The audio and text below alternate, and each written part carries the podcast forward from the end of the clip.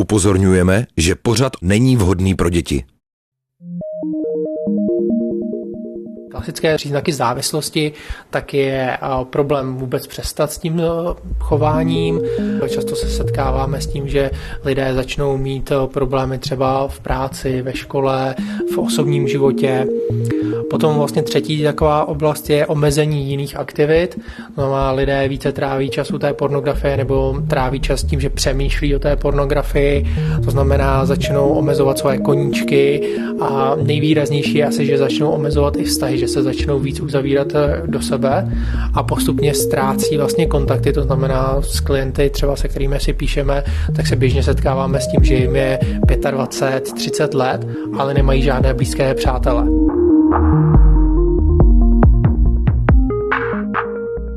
Porno dneska považujeme za běžnou věc. Aspoň jednou měsíčně ho sledují tři čtvrtiny žen a mužů ve věku 18 až 30 let. Jenže přibližně 5 až 8% dospělých nemá svoje sledování porna pod kontrolou, případně jsou rovnou závislí a často o tom ani sami netuší. Jak poznat závislost na pornu a jak z ní vystoupit? No a liší se nějak závislost mužů a žen? A jak by se mělo zacházet s pornografií, aby neubližovala? I o tom bude následující dvoudíl. Já jsem Bára a přeju vám ten poslech. Šeptem. Šeptem. Intimní podcast o vztazích, lásce a sexu pro všechny lilky a broskve. Šeptem s Bárou Šichanovou na rádiu Wave.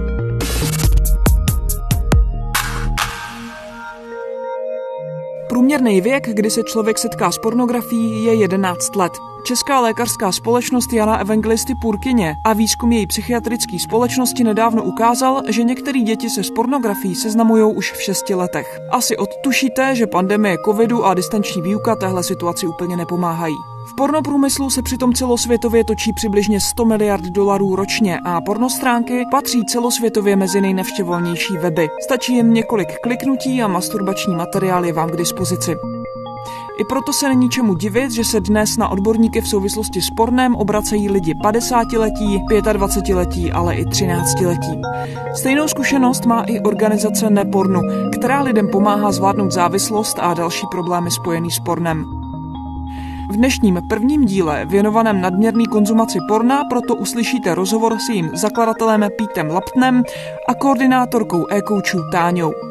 Kolektiv lidí v nepornu spojuje taky to, že s nezdravým vztahem k pornu má řada z nich vlastní zkušenost. Čtvrtou oblastí také podstupování rizika, to znamená, chtějí tu svoji dávku a jsou ochotní podstoupit nějaké riziko, třeba odhalení, zvýšená tolerance, potřebují větší dávku, buď třeba násilnější eh, styl pornografie, nebo třeba pornografie, která nutně neodpovídá jejich sexuální orientaci, anebo to může být i stylem, že sledují to porno častěji. To znamená, se potom setkáváme v extrémních případech i s klienty, kteří jsou schopní sledovat porno třeba 8 hodin denně.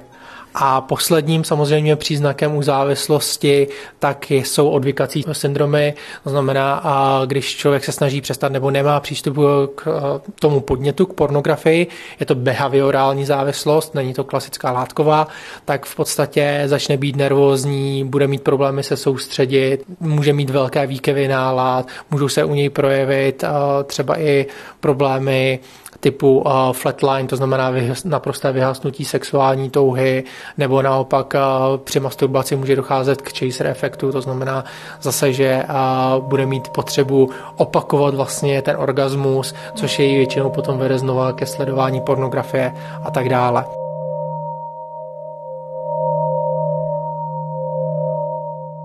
A v tomhle jsem samozřejmě my se snažíme rozlišovat a řekněme, my jsme si to pojmenovali tak, jako že je tady nějaké příležitostné sledování, potom je to, že si člověk třeba na tom už vytvoříš nějaký špatný návyk.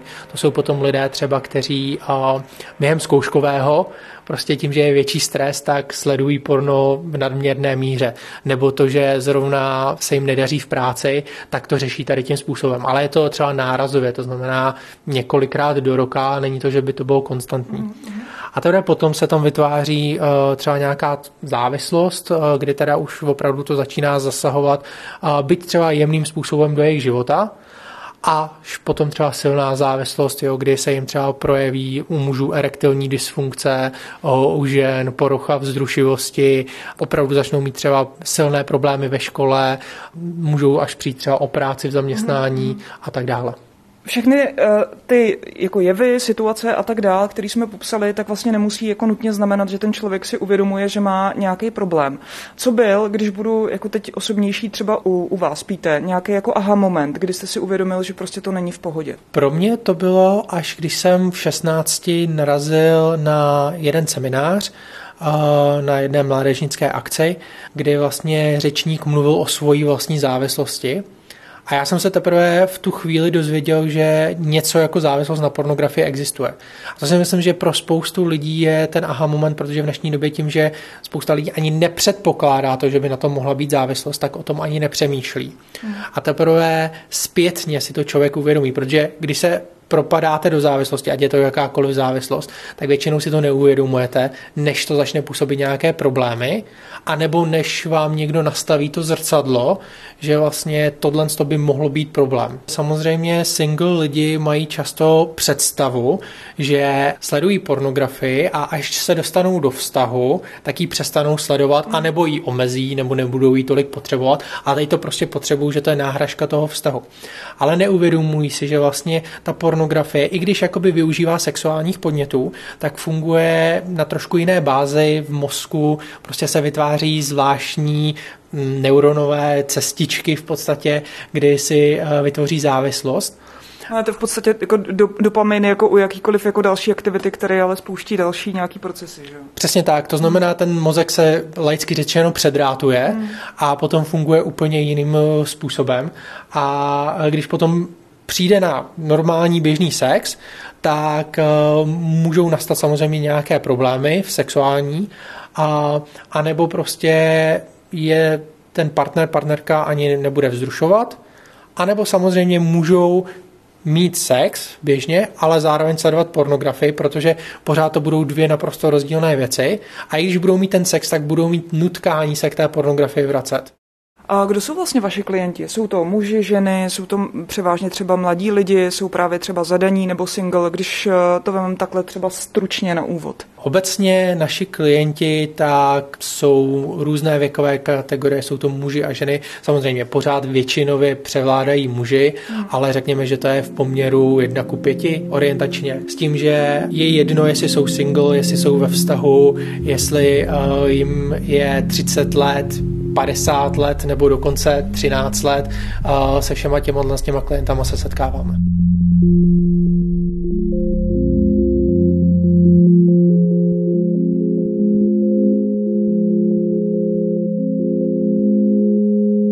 Nejprve nás ten člověk teda kontaktuje a my potom vybereme z té naší databáze e-coachů e-coache, který nám přijde nejvhodnější pro tohohle člověka, ať už to je třeba tím, že si jsou blízcí nějak věkem nebo s nějakou zkušeností, že nepřiřazujeme ženám, muže přiřazujeme mužům, uh-huh. takže na základě těchto kritérií my vybereme nejvhodnějšího e-coache, s tím toho klienta spojíme a ten e-coach si potom eh, vyměňuje vlastně s tím klientem e-maily, s tím, že na začátku začátku tam je samozřejmě nějaká seznamovací fáze, nějaká fáze, kdy projdou spolu různé takové základy, jako třeba co spouští tu jeho chuť koukat se na pornografii nebo její chuť, případně e, co většinou je motivací e, k tomu to porno sledovat, jak často to porno ten člověk sleduje, co může udělat k tomu, aby to porno omezil, zamezit třeba nainstalovat si do zařízení, na kterém pornografii sleduje nějaký zamezovací program. Pak nastaví různé cíle, Eh, třeba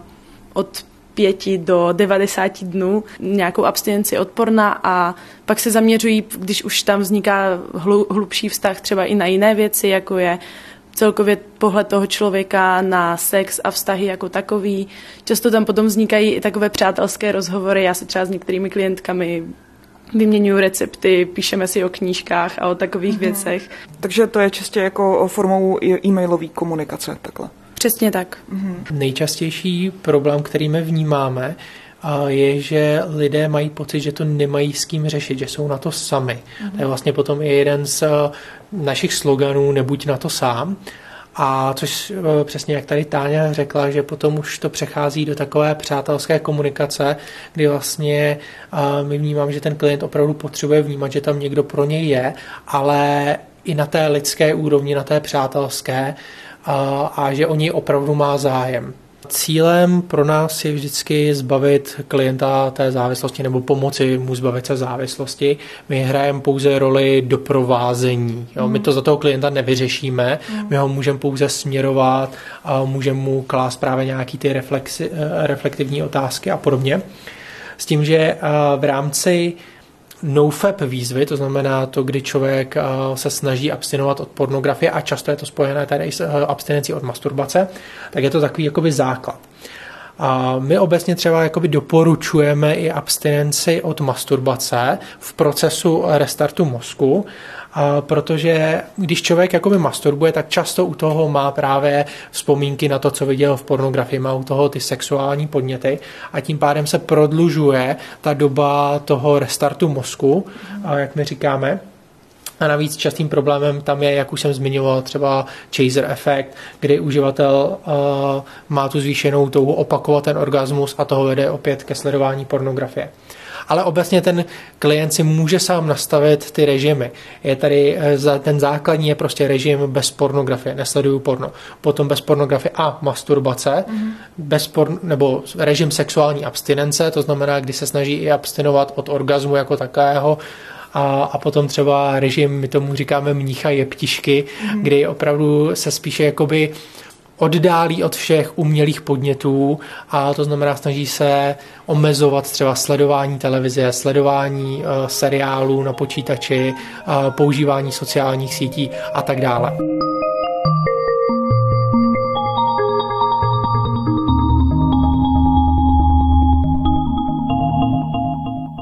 momentě, kdy člověk je teda v nějaký té fázi, kdy vy mu už pomůžete a domluvíte se na určitý formě abstinence a e, stane se relaps. Ten člověk prostě ujede a asi má jako výčetky, je to doprovázený prostě různýma jakoby dalšíma psychickýma jevama, tak jak na tohle nahlížíte a co třeba tomu člověku radíte? Tam je důležité toho člověka uklidnit, že jako to neznamená, že je všemu konec a že prostě teď to pokazila už není žádná další cesta, tak, tak to není.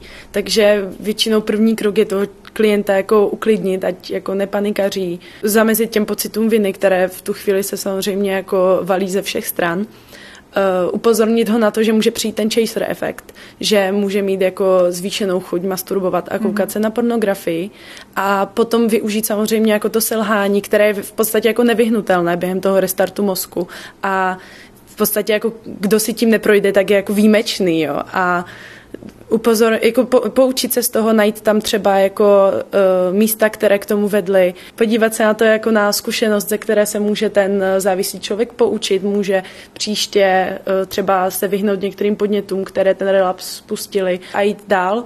Většinou nastavujeme potom jakoby tu denní výzvu od začátku, že když se to stane třeba po, nevím, 50. dní, tak začínáme počítat zase od nuly, ale je důležité tomu člověku zdůraznit, že to neznamená, že ta práce, co do té chvíle udělal, je smazaná, že to je naopak kus práce, kterou už ušel a která se počítá a že teď z toho relapsu se může poučit a dělat, tu pra- dělat jakoby odví- to odvykání dále lépe. Jak vlastně často se setkáváte a řešíte třeba to, když je na to porno navázaná vlastně ještě jakoby nějaká jiná forma, ne závislosti, ale konzumace alkoholu, drog, to je velmi častý případ. Právě neřekl bych třeba, že se tak často setkáváme s drogama, ale velmi často se setkáváme právě s konzumací alkoholu.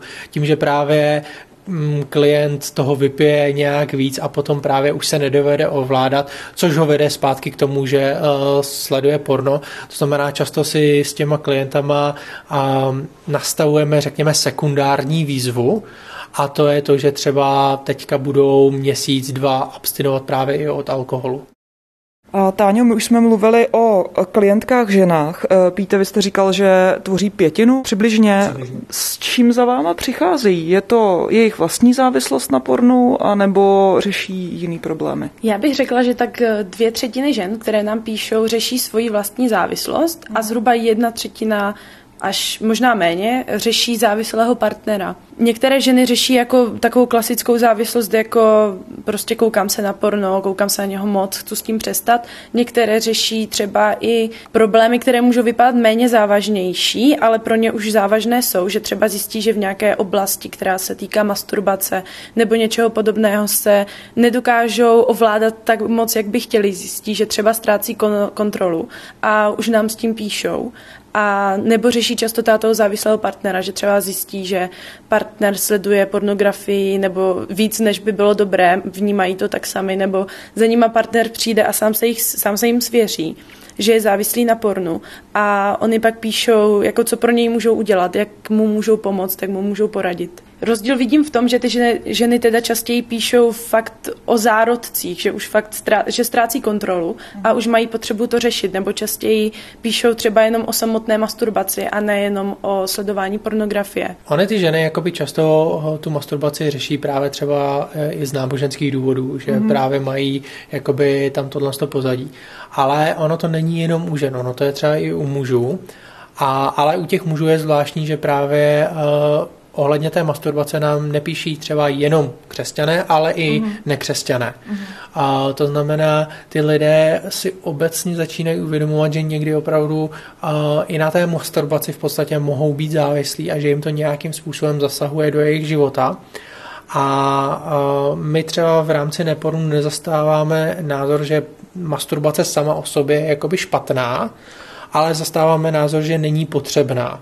A když nám tyhle lidi píšou, že by se toho chtěli zbavit, protože jim to nějakým způsobem zasahuje do života, samozřejmě řešíme tam třeba, eh, proč si myslí, že je to špatné nebo takhle, a eh, někdy jako narážíme, že mají někdy přílišné očekávání sami od sebe, a opravdu nemasturbují zase tak často. Mm-hmm. To znamená, se snažíme jakoby uklidnit, že v něčem to je prostě pořád jakoby normální a mm-hmm. v pořádku a, ale když už to začíná zasahovat do toho problému, tak eh, se to snažíme řešit podobně jako abstinence od pornografie, což vlastně i součástí, jak jsem zmiňoval, už vlastně to hnutí nofap, mm-hmm. tak vlastně úplně prapůvodně ta zkratka nofap znamená jakoby žádná masturbace mužská, a tím pádem úplně v počátcích to byla abstinence od masturbace, nyní je to rozšířený pojem eh, na abstinenci i od pornografie. Mm.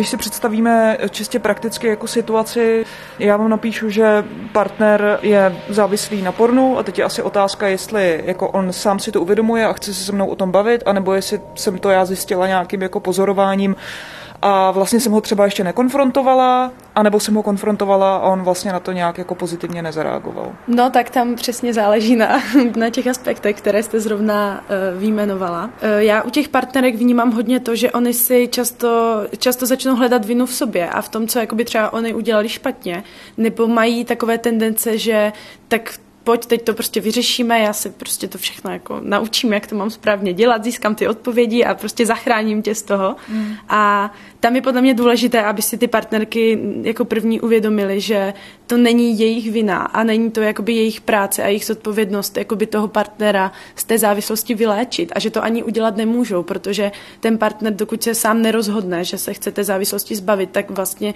s ním nikdo nehne. Pokud ten partner hodlá s tím něco dělat, tak eh, je na místě, aby ho podporovala, aby ho v tom nějakým způsobem nesabotovala, což je pro ty ženy podle mě často obtížné, protože oni jsou sam, sami tím zraněné a sami tím trpí a sami jakoby jejich potřeby v tom vztahu nejsou uspokojovány.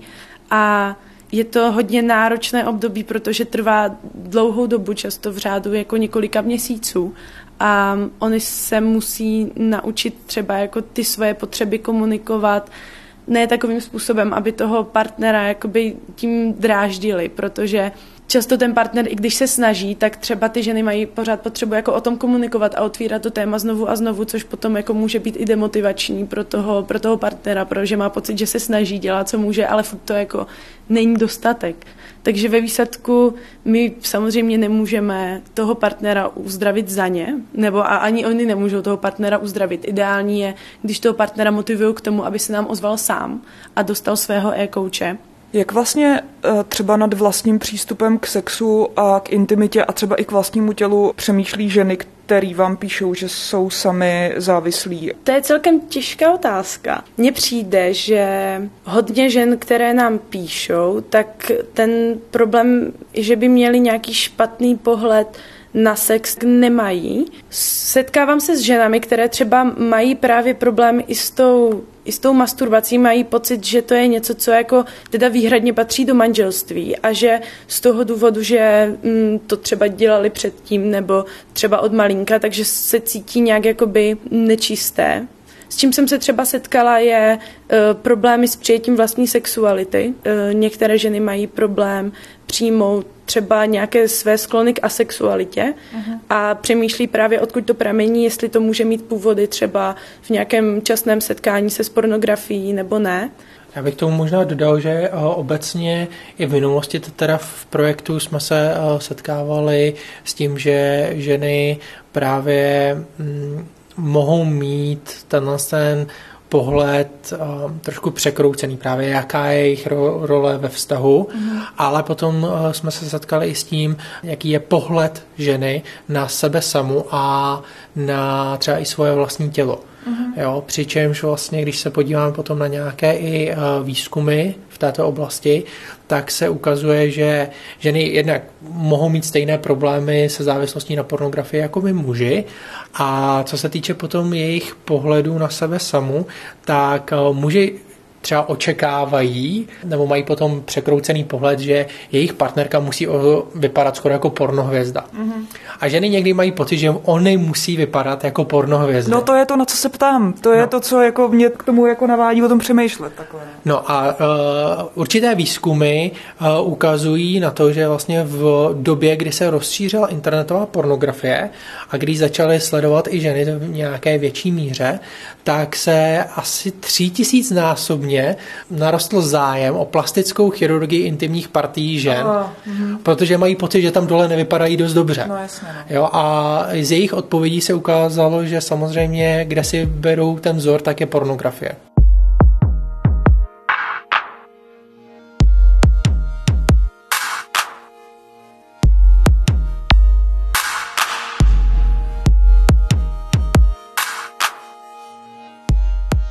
O sobě zdůrazňujete, že jste v podstatě kolektiv, který tvoří ne odborníci, ale že jste laický kolektiv.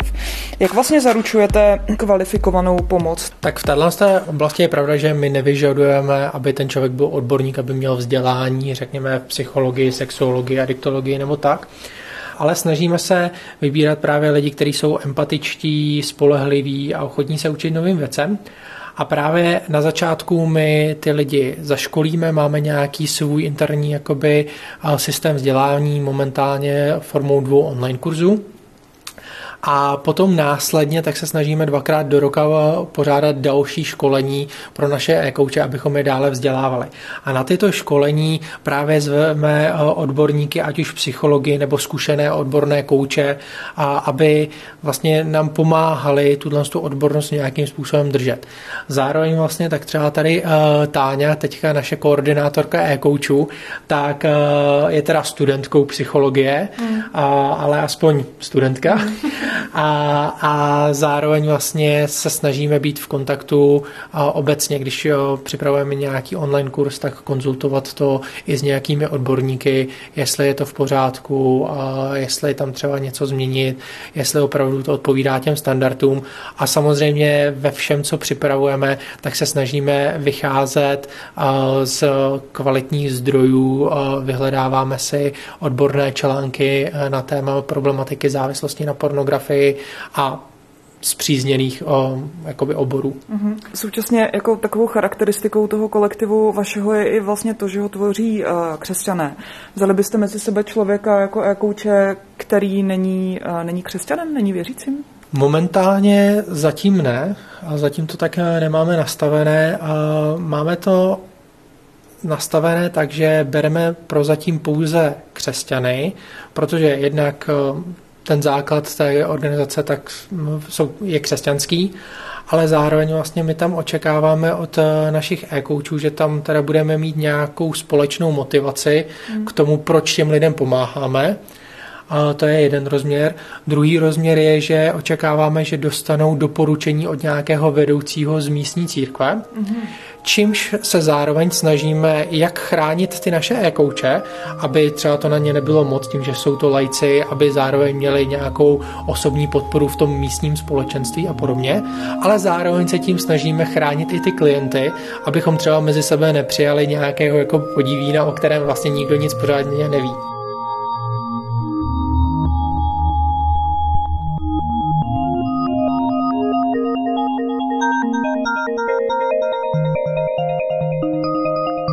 My jsme na tu otázku možná částečně odpověděli v, úplně v úvodu, ale mě by zajímalo, jestli pro vás osobně existuje nějaká přípustná míra vlastně sledování jako pornografie. Za mě osobně, když se budeme bavit o restartu mozku samozřejmě, jako pro naše klienty, tak tam vnímáme nulovou toleranci. Mm-hmm. A v rámci běžného života tak obecně zastáváme nebo se díváme na problematiku pornografie v trošku širším kontextu a vnímáme, že pornografie neovlivňuje pouze jakoby jednotlivce, ale ovlivňuje samozřejmě i naše vztahy, naši společnost a také lidi v pornoprůmyslu. A, a jelikož často teďka v poslední době vyplývají informace o spojitosti třeba pornoprůmyslu s obchodem s lidmi, a tak vnímáme, že jakékoliv sledování pornografie v podstatě i jakoby podporuje tenhle ten průmysl a čím samozřejmě je vyšší poptávka, tím je vyšší nabídka, což si lidi často neuvědomují a mají pocit, já tím vlastně nikomu neubližuju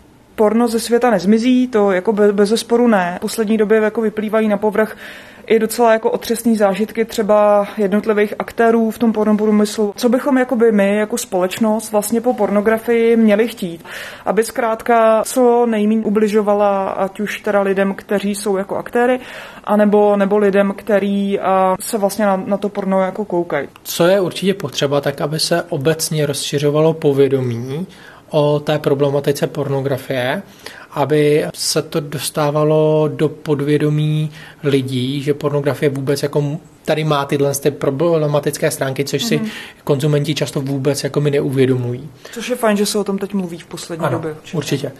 A zároveň vlastně tohle rozšiřování povědomí, tak myslím si, že je zásadní, aby se více rozšiřovalo na školách. Mm-hmm. I když vnímáme, že třeba primární zodpovědnost za sexuální výchovu dětí mají rodiče, mm.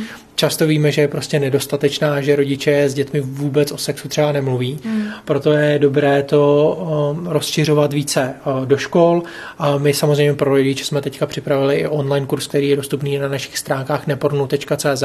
Co se legislativy týče, tak uh, nemáme iluze o tom, že by pornografie zmizela. A nicméně myslím si, že zákonodárci by měli uh, věnovat pozornost tomu, aby děti neměly tak snadný přístup k pornografii, protože dětský mozek se prostě vyvíjí hmm. a je mnohem náchylnější k vytvoření nevhodného chování až závislostního chování právě na pornografii a tím pádem uh, zpřísnit požadavky na pornoprůmysl, jakým způsobem umožní přístup ke svým stránkám. Máme třeba nějaké příklady ze světa, kdy třeba zavedli, že musí použít číslo občanského průkazu, nebo že si musí koupit speciální přístupový kód, který musí zadat, aby tím potvrdili vlastně, že jim bylo 18 a tak dále. To znamená, ty možnosti, jak ten přístup stížit jsou a bylo by dobré, aby ho zákonodárci zavedli. A samozřejmě, některé děti se k tomu pořád dostanou, to není ta pointa. Pointa je, aby se k tomu dostalo co nejméně dětí a tím pádem jsme čím, co nejvíc chránili děti, kde to riziko vytvoření závislosti je mnohonásobně vyšší. A ještě co se týče těch dětí, tak nám fakt píšou třeba 13 leté děti, které sledují třeba pornografii od 7 let a mm píšou do těch e-mailů jako fakt takové srdcerivné věci, jako že se bojí, že jim to zničilo dětství, nebo že prostě, že nevím, že to mamka zjistí a nebude mít už ráda a takové věci. Jak vlastně potom dál jako jednáte uh, s takhle jako starýma klientama, který v podstatě ještě nejsou jako zletilí, plnoletí, kde uh, byste vlastně měli asi upozornit třeba ty rodiče, jo? nebo... To, tohle je velmi sporná část. My samozřejmě máme v našich zásadách napsáno, že pokud jsou mladší 18 let, tak musí mít svolení rodičů. Mm-hmm. Problém je, že to v podstatě není vymahatelné a tím, že nám píší přes internet, tím, že nám píší přes e-mail, oni často mají prostě nově vytvořené e-mailové adresy čistě tady za tím účelem. To znamená, my nemáme žádný způsob, jak je dohledat nebo cokoliv a tím pádem samozřejmě se s nimi snažíme jakoby pracovat, ale to, že se snažíme vést k tomu, aby to nějakým způsobem řešili případně i s rodičema, to tam samozřejmě vždycky máme.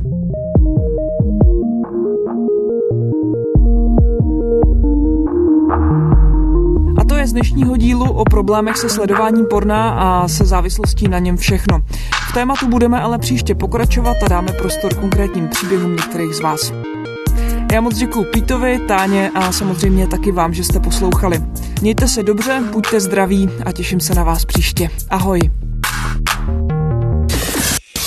Šeptem. Šeptem. Intimní podcast o vztazích, lásce a sexu pro všechny lilky a broskve. Poslouchejte na wave.cz lomeno šeptem nebo se přihlaste k odběru na wave.cz lomeno podcasty a poslouchejte ve vašem mobilu, kdykoliv a kdekoliv.